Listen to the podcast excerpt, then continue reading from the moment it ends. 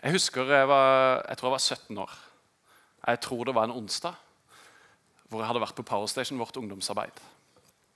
Så kom jeg hjem, og jeg bodde i kjelleren hos mine foreldre. en leilighet der. Eh, og så husker jeg jeg skulle inn på badet og pusse tennene, sånn som en jo ofte gjør før en skal legge seg. Og så husker jeg når jeg sto der inne foran vasken, det var speil på veggen, så tørte jeg ikke å se opp fra vasken. Jeg sto og pussa tennene og kikka ned i vasken hele tida. For jeg var sikker på at hvis jeg kikka opp i det speilet, så kom jeg til å se noe bak meg. Jeg var sikker på at djevelen sjøl var i rommet. Jeg var fylt med en sånn enorm frykt bare for det å løfte blikket og kikke inn i speilet. For jeg var sikker på at her er det noen som vil meg vondt. Jeg ble ferdig å pusse tennene jeg gikk inn på rommet mitt. Og Jeg hadde senga inntil en vegg, og på motsatt vegg så var det et vindu ut. Der hadde jeg dratt ned eh, rullegardina, så det gikk ikke an å se ut gjennom det vinduet. Men jeg husker jeg la meg med ryggen mot vinduet og ansiktet inn mot veggen. Og så lå jeg bare og ba. Jesus, Jesus, Jesus.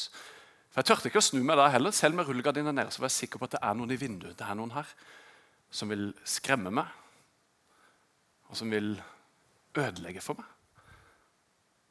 Og det er sånn djevelen er. Han er tyven som har kommet fordi han ønsker å myrde og ødelegge og stjele. Det er djevelens oppdrag. Og så I dag så er det halloween. Allehelgens dag. Eller allehelgens aften. En minnes de døde. Det kan vi gjøre på en fin måte. De som har gått foran oss. Som har betydd noe for oss. Det kan vi hedre, det kan vi minnes. Det kan vi være takknemlige for og glede oss over. Vi kan gå og tenne et lys på ei grav. Og så er det denne halloween-feiringa. Der på en måte det skumle og døden løftes opp og framelskes som noe gøy og spennende. Og Det er jo litt spennende å bli skremt noen ganger, kjenne på adrenalinet. Og at det er skummelt.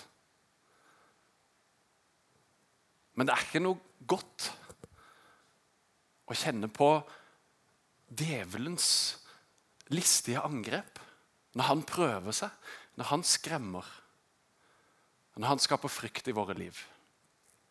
Sånn som jeg fikk erfare den dagen og har fått erfare andre ganger i livet. Og For oss som er kristne, eller for oss som menighet, det er ikke sikkert alle som er her er kristne, men for oss som menighet så ønsker vi å løfte opp Han som er livet, Jesus. Veldig sånn svart-hvitt. Det kan, finnes mange grå nyanser, men veldig svart-hvitt så er det liksom djevelen og Gud. Det onde mot det gode. Og Vi ønsker å løfte opp det som er godt, det som er lys, det som er liv, framfor det som er dystert, negativt og mørkt og som binder folk, og som skaper så mye frykt og uro.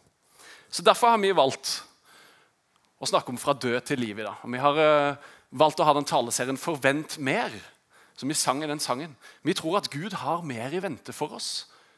Han har utrolig mye godt for oss, som han ønsker å gi oss. Han som er liv, han som er lys. Og som er alt det gode. Så Vi skal snakke i dag om fra død til liv. Eh, neste søndag kommer Håkon Fagervik. Eh, han kunne ikke love at han kom til å si noe om fra fange til fri. men det er uansett det som er temaet. Fra tapt til funnet er det gangen etter der. Også på thanksgiving. på en måte. Vi skal ha thanksgiving. Du har gitt meg alt. Det blir fantastisk. For Det er det vi ønsker å løfte opp det er det vi ønsker å hedre. Tenk om vi kunne ha thanksgiving istedenfor halloween i Norge. Det hadde vært fantastisk. Den beste tradisjonen, og det beste som fins, det gidder vi ikke importere til Norge. Alt mulig annet ræl, det vil vi ha. Sånn, nok om det. Ferdig med å snakke om det. Jeg vil snakke om livet. Jeg skal snakke litt om Jesu død og oppstandelse. Det er utgangspunktet for at vi kan snakke om liv, egentlig, for vår del. Og Vi tror at Gud har skapt hele verden. Han har skapt universet. Han har skapt, og han skaper fremdeles. Han har skapt du og meg fordi han ønska å ha oss. Fordi han ville at du skulle eksistere så valgte han å skape det. Og så har han skapt alt rundt oss for at vi kan glede oss over det. Og ha det og gi det til oss. Men for at det skulle kunne bli sånn for oss da. Gud skapte jo, og så har dere kanskje hørt historien om Adam og Eva som spiste en frukt ikke de burde, og så kom det synd inn i verden. Så fikk på en måte djevelen litt sånn spillerom i verden. da. til å gjøre det han vil, til å stjele og myrde og ødelegge. Og så var Jesus nødt til å komme for å gjøre noe for å gjenopprette. For å gi anledning til oss til å få liv, til å få evig liv, til å være sammen med Gud for alltid. Ha fellesskap med Han. Sånn som var planen i utgangspunktet. Det som Gud egentlig hadde tenkt når han skapte verden og oss. Og så var det nødt til å bli en, en gjenopprettelse. Så skal vi lese noen eh, vers fra Johannes evangeliet kapittel 12. Dette er rett før påska, når Jesus blir tatt eh, og blir drept. Og Så taler han om sin død, at han må dø. Og Så bruker han et bilde, og det gjør han veldig ofte. Så står det sånn i 1223. Jesus svarte, 'Timen er kommen, da menneskesønnen skal bli herliggjort.' Det begynner å nærme seg det som faktisk er historiens høydepunkt. At Jesus dør og står opp. Så, så står det i kapit nei, vers 24.: Sannelig, sannelig, jeg sier dere, hvis ikke hvetekornet faller i jorden og dør, blir det bare det ene kornet. Sånn er det når du skal plante noe. Så må du legge et frø, et korn, i jorda. Og Så dør det kornet, men ut av det så spirer det masse nytt liv. Det er utrolig fascinerende åssen det går til at noe må legges i jorda for å dø.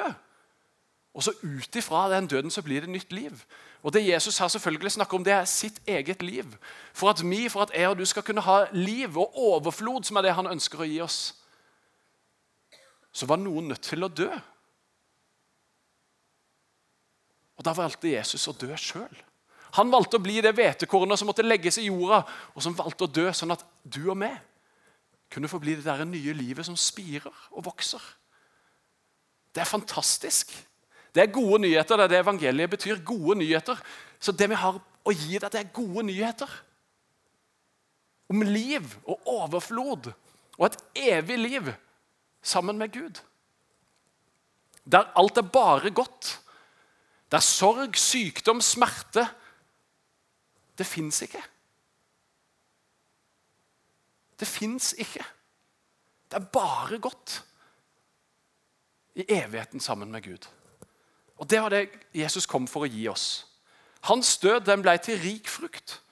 Og hans død den ble til liv for du og meg. På samme måte som et hvetekorn kan bli til liv for noe nytt. Og Det fantastiske er at det livet med Gud og det evige livet sammen med han, i fellesskap med han, det begynner ikke den dagen jeg og du dør.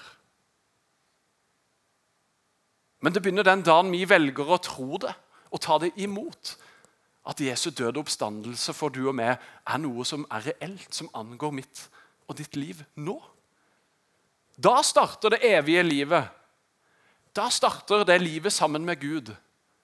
Så det er ikke sånn at Jesus han døde på korset og sto opp igjen for å gi oss en billett til himmelen. Og Så kan vi ta imot den billetten og putte den i lomma, og så den dagen vi dør, så kommer vi liksom til St. Peter ved porten og sier ja, her var min billett, da kan jeg få lov å komme inn. Han ønsker å gi oss liv og overflod her og nå. Det evige livet der hans fred og hans glede alt det gode det kan få lov å prege våre liv allerede nå. Det er et sånn paradoks. Det er allerede, men ennå ikke. For fremdeles er det jo sykdom og smerte og død og vondt i verden. Vi opplever masse drit, alle sammen. Men så kan vi samtidig få en forsmak av himmelen. Få en forsmak av den evigheten der vi skal være sammen med Gud, der ikke det fins noe vondt. Guds overnaturlige fred kan komme inn midt i vår storm. I våre vanskeligste situasjoner så kan han komme inn her og nå. Vi trenger ikke å vente på å dø. Vi kan erfare noe av det som kalles Guds rike. Guds rike det er liksom evigheten med Gud allerede her og nå. Og Det kom Gud for å gi oss. Jesus kom og døde og sto opp igjen for å gi oss liv og overflod. Og Han har gitt det til oss som en gave. Han har gjort alt. Og så spør han vil du ha det. Vil du ta det imot? Vil du ha liv? Vil du ha evig liv? Og vil du begynne det her og nå sammen med meg? Det er det han tilbyr oss. Og Så skal vi gå litt videre i teksten, for dette er på en måte en sånn dobbelthet i det å, å følge Jesus. Han har gitt oss alt. Han har gjort alt for oss. Han har dødd og stått opp. Han har gjort alt det som var umulig for oss, for å skape fellesskap med Gud igjen. Og Så utfordrer han oss samtidig på å gjøre noe. På ikke bare å sitte passivt på perrongen og vente, liksom. til livet er over? Nei, men til å være med på togreisen. Vet ikke hvor det bildet kom fra. Men Hvis vi fortsetter i teksten, i vers 25 og 26, så står det Den som elsker sitt liv, skal miste det. Men den som hater sitt liv i denne verden, skal berge det og få evig liv. Det er ganske drøye ord Jesus sier her. Den som elsker sitt liv, skal miste det. Og den som hater sitt liv, den skal berge det og få evig liv. Og Han sier ikke at vi skal hate livet vårt sånn ah, 'Livet mitt suger, og jeg hater det', sånn. men han setter det opp som en motpol til det å elske. Og Elsker vi livet vårt, elsker vi på en måte alt her på jorda. Det som er forgjengelig, som går tapt den dagen vi dør. Om det er eiendelene våre, om det er kroppen vår, eller klærne våre, eller familien vår. De tingene som ikke vi kan ta med oss i evigheten, det er det vi kan beskrive med livet sånn som han ser det. Elsker vi det mer enn det livet han har å gi oss? Enn sjela vår, den som skal leve evig? Så kommer vi til å miste det hvis vi elsker vårt liv så høyt at ikke vi er villige til å gi oss sjøl til Gud. Så kommer vi til å miste livet vårt den dagen vi dør. Men hvis vi våger å gi livet vårt til Han, hvis vi elsker Han høyere enn vi elsker vårt eget liv, våre egne ambisjoner, vår egen egoisme, så skal vi få liv, evig liv. Da skal vi berge det. Og Så sier Jesus i vers 26.: Den som vil tjene meg, må følge med. Og der jeg er, skal jeg også min tjener være. Den som tjener meg, skal min far gi ære. Så Jesus han utfordrer oss radikalt og enormt. Tenk å være til stede når Jesus står og sier dette til en folkemengde. Det er utfordrende nok at jeg står og sier det, men tenk når han står foran en gjeng og sier det. Det er meg som er livet. Og Hvis ikke du velger meg, så kommer du til å tape det. Men hvis du velger meg, så kommer du til å få evig liv. Og Hvis du vil følge etter meg, hvis du vil gå sammen med meg, så må du tjene meg. Og da vil jeg gi deg ære. Så han har gjort alt klart for oss. Han har gitt oss alt i gave. Og han utfordrer oss. Følg med. Og Er det noe som kan koste, så er det det å følge Jesus. For han er ganske tøff i trynet. altså. Han er nådefull, han er kjærlig og han er god. Han ønsker oss bare det beste. Og så vet han det at noen ganger så er det beste det som svir. Det som gjør vondt, det som er vanskelig. I hovedsak å fornekte oss sjøl, min egoisme. Det at jeg ønsker å være sentrum av universet. Det at jeg ønsker stadig mer. Det at jeg er mer opptatt av meg sjøl enn jeg er av naboene min. At jeg som har overflod av penger og stort nok hus til flere enn oss, ikke gidder å åpne døra for noen andre og invitere dem inn. og Ikke deler av pengene mine, ikke bruker av mine ressurser som kommer andre til glede.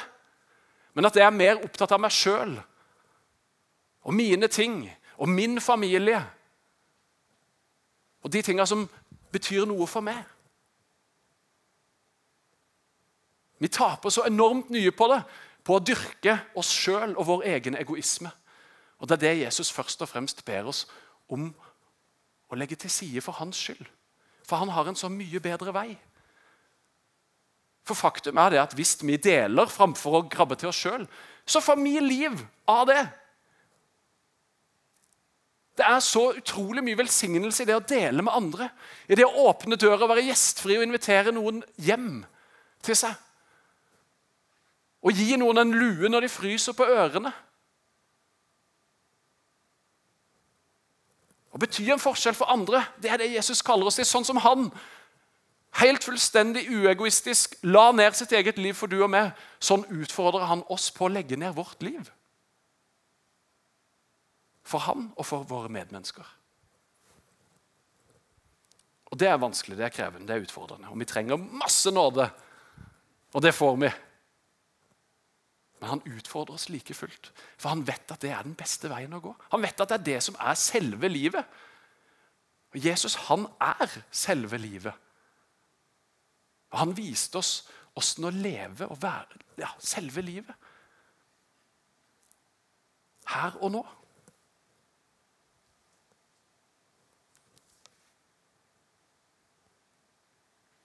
Våger vi å overgi vårt liv, våre egne ambisjoner, vår tid, våre ressurser, ja, hele vårt liv, til Han som er selve livet? Det er faktisk det han ber oss om. Og det er rimelig drøyt. Og Hvis ikke du er så vant til å gå i kirka, hvis ikke du er en kristen, så oppleves det kanskje helt sykt. Men hvis det er sant at Jesus døde på et kors og sto opp igjen og overvant døden, så er det verdt det. Og Jeg er overbevist om at han døde og sto opp. Og Det var de første disiplene. Vi skal lese et annet vers fra første Johannesbrev. Den samme Johannes som har skrevet Johannes evangeliet. Han har jo skrevet tre brev. Og Det første verset i hans sitt første brev, så skriver han Det som var fra begynnelsen, det vi har hørt, det vi har sett med egne øyne, det vi så, og som hendene våre tok på, det forkynner vi. Livets ord. Det var det Johannes og de andre første disiplene gjorde. De var så overbevist om at den Jesus de hadde vandra sammen med i tre år, som de hadde sett dø på et kors, som hadde fått et spyd stukket i sida, og som virkelig var død, og som ble lagt i en grav. De hadde sett han, de hadde tatt på såret hans, de hadde spist sammen med han, de hadde hørt han snakke, selv etter at han var død. Han var virkelig stått opp. Han var virkelig sammen med dem. Og Det var det de var villige til å ofre hele livet sitt for. Det var det de skrev for. Det var det de reiste rundt for. Å forkynne og fortelle til andre. Det var livets ord. De hadde virkelig møtt han som er selve livet. Som sier om seg sjøl at 'jeg er veien, sannheten og livet'. Jeg er den eneste veien til Gud, sier Jesus sjøl. Og det var de så overbevist om at de var villige til å ofre alt for det. Og hvis det er sant at Jesus døde og sto opp igjen, så er det verdt å ofre livet sitt for. Foreløpig så slipper vi å frykte for død her. Vi lever i Norge, men i mange andre eh, deler av verden så frykter de for livet sitt fordi de følger Jesus. I morgen er det fakkeltog i Arendal klokka halv seks for de forfulgte kristne rundt om i verden. Det går an å høre mer om det hvis en vil det. Men våre liv består i veldig stor grad av meg og mitt og mine ting. Vi er opptatt av å passe på oss sjøl og ha komfort og kose oss og nyte livet. Det er helt topp å kose seg og nyte livet, men skal vi virkelig leve for det?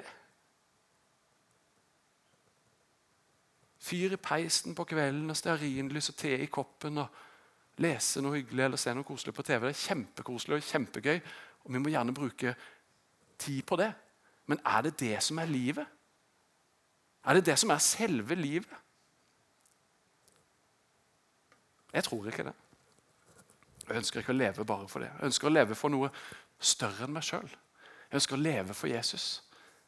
Og Det er ikke lett å legge ned livet sitt for han. Det er ikke lett å skulle se vekk fra sine egne lyster og behov og det som er en sånn naturlig drivkraft inni oss. Meg og mitt og mine. Vi trenger Guds hjelp, og den er han villig til å gi oss. Han leder oss og utfordrer oss til å følge ham på en annen vei. En uegoistisk, uselvisk vei, der han er herre, og der vi er tjenere for de som er rundt oss. Og det er selve livet. Det er ikke meg og mitt og mine, men det er kanskje alle de andre. I Johannes 11, et kapittel tidligere, så møter vi Jesus òg. Og Da er det to søstre som heter Martha og Maria, som Jesus kjenner godt. Som kaller på han, du må komme, for broren vår Lasarus er blitt syk. Og Så bruker Jesus litt lang tid. Han somler litt. Så innen Jesus kommer, så er Lasarus død. Og Så kommer Marie, Martha løpende Jesus i møte. 'Jesus, hvorfor kom du ikke?' Han er død allerede. Og Så sier Jesus, 'I fix'. Jeg skal ordne det. Og Så svarer Martha at jeg vet at Lasos skal stå, uh, stå opp i oppstandelsen på den siste dag. Altså Når Jesus kommer igjen en dag, så skal Alle stå opp igjen. Men så sier Jesus til henne Jeg er oppstandelsen og livet. Den som tror på meg, skal leve om han enn dør. Og hver den som lever og tror på meg, skal aldri i evighet dø. Tror du dette? Spør Jesus Martha. Hun svarer ja. Og Jesus vekker opp Lasarus fra grava. Helt fysisk så reiser han han til liv igjen. Og Jesus har reist opp mange åndelige døde og gitt dem et nytt liv. Nytt håp, ny start. Og Så tror jeg at han stiller spørsmål til oss. Han sier er oppstandelsen og livet. Først ut er tro. Den første for ditt liv. Og det neste, Er du villig til å dø tinga som du sier i livet til hekter, men er du villig til å leve for Jesus, han som er villig til å dø? Det er litt lyd fremdeles. Hva i oss må dø?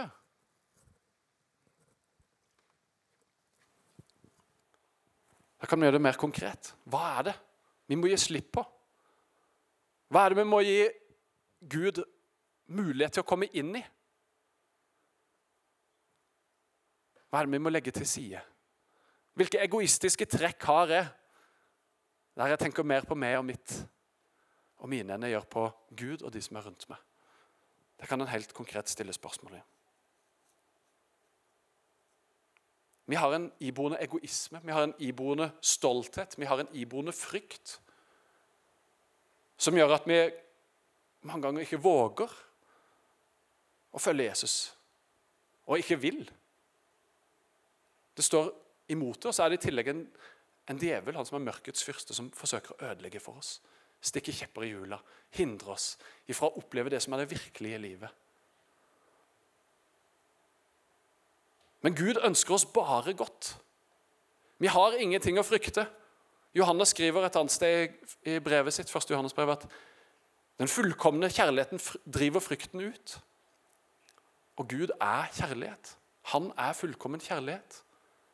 Og Er det frykt vi kjenner på, så kan han drive det ut. Og Han kan forme og rense og endre hjertet vårt hvis vi tør å gi det til han. Og sier jeg fikser ikke dette, jeg får det ikke til, men jeg ønsker.